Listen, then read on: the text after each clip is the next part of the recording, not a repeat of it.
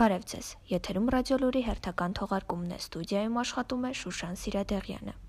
Հայաստանի Հանրապետության Պարետի նոր որոշմամբ հանվում է միջմարզային տեղաշարժի սահմանափակումը ու վերացվում են անցակետերը։ Փոխարենը ուժերը կենտրոնացվելու են այլ սահմանափակումների նկատմամբ ուժեղացված վերահսկողություն իրականացնելու ուղղությամբ։ Պահպանվում են անձանց տեղաշարժի ու հանրային տրանսպորտի հետ կապված մնացած սահմանափակումները։ Հանվել են տնտեսական գործունեության որոշ տեսակների նկատմամբ ժամանակավոր սահմանափակումները։ Արցախի առողջապահության նախարարությունից հայտնում են, որ նոր կորոնավիրուսի հետևանքով թեստավորված եւս մեկ քաղաքացու փորձանմուշի հետազոտության արդյունքը դրական է, ինչը նշանակում է, որ նրա մոտ վարակը հաստատվել է։ Առողջապահության նախարարությունից միաժամանակ տեղեկացնում են, որ վերոնշյալ քաղաքացին Խարվաճարի առաջին վարակագրի շփման շրջանագից է, ով ապրիլի 11-ից ինքնամեկուսացվել էր։ Հիշեցնենք, որ առ այսօր Արցախում գրանցվել է նոր կորոնավիրուսի վարակի 8 դեպք, որից 3-ն արդեն ապաքինվել են։ Աշխատանքի ու սոցիալական հարցերի նախարար Զարուհի Բաթոյանը նշել է, որ մայիսի 1-ից միջինում 30%-ով կբարձրանա երեխաների շուրջօրյա խնամքի հաստատություններում աշխատող շուրջ 230 մարդու աշխատավարձ։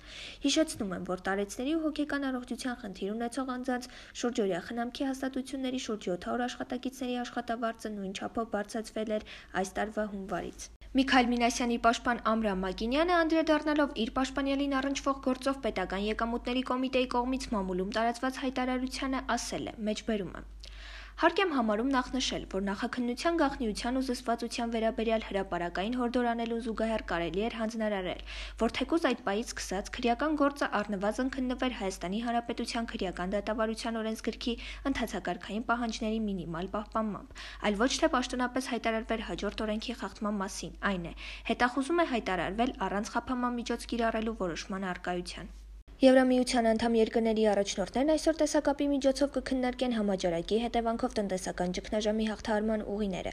Օրակարգի առանցքային հարցը եվրոպական հիմնադրամի ստեղծումն է, որի միջոցները կուղղվեն համաճարակից ամենաշատը տուժած երկրներին։ Եվրամիության անդամ երկրներից ամենահզոր տնտեսություն ունեցող Գերմանիայի կանցլեր Անգելա Մերկելը քննարկման նախորդին հայտնել է, որ Բերլինը պատրաստ է ապես մեծ հանգանակություն անել կորոնավիրուսի հետևանքով տուժած դաշինքի անդամներին ճգնաժամից դուրս բերելու համար։ Դոնալդ Թրամփը ստորագրեց օրինական ներգաղթե դեպի Ամերիկայի Միացյալ Նահանգներ ժամանակավորապես դադարեցնելու մասին հրամանագիրը։ Սպիտակ տան ղեկավարը որոշումը բացատրել է երկրում աշխատատեղեր ու բժշկական ռեսուրսները ամերիկացիների համար պահպանելու անհրաժեշտությամբ։ Կորոնավիրուսի համաճարակով պայմանավորված սահմանափակումների պատճառով Միացյալ Նահանգներում մեկ ամսվա ընթացքում գործազուրկների թիվը հասել է 22 միլիոնի, ինչը կազմում է երկրի ողջ աշխատուժի 13%-ը։ UEFA-ի գործադիր կոմիտեն որոշել է անփոփոխ թողնել ֆուտբոլի Եվրոպայի առաջնության եզրափակիչ մրցաշարի անվանումը։ Կորոնավիրուսի պանդեմիայի հետևանքով 1 տարով հետաձգված եւ 2021 թվականի հունիս-հուլիսին անցկացվելիք մրցաշարը կպահպանի Եվրո 2020 անվանումը, հաղորդում է կազմակերպության մամուլի ծառայությունը։